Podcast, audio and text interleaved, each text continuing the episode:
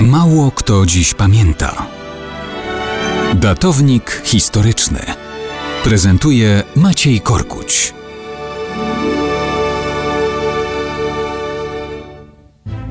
Mało kto dziś pamięta o cesarzu, który panował nad jednym z najpotężniejszych państw ówczesnej Europy, ale głosu ani razu nie zabrał, bo nie mógł. Jutro będzie rocznica jego śmierci w 1888 roku.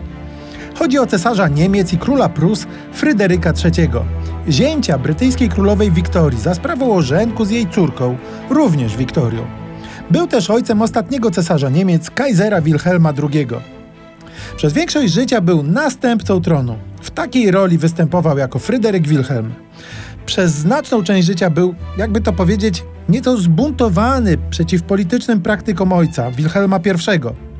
Niemałą rolę miał w tym związek małżeński i podróż do Anglii, gdzie przyglądał się brytyjskiemu parlamentaryzmowi i tamtejszym obyczajom. Miał 31 lat, kiedy ojciec nawet zaproponował mu przejęcie tronu królewskiego. Odmówił, nie był zwolennikiem Bismarcka, ale czas robił swoje. Odnoszone sukcesy w wojnach zmieniały optykę. Sam jako dowódca jednej z armii uczestniczył w wojnie z Austrią, a potem w wojnie z Francją.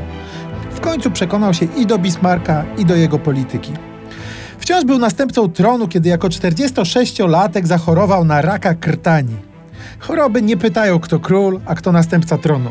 W lutym 1888 roku przeprowadzono operację tracheotomii. To spowodowało, że mówić już nie mógł nigdy.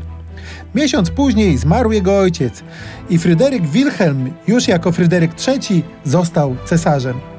Choroba nie dawała jednak za wygraną. Panował tylko 99 dni.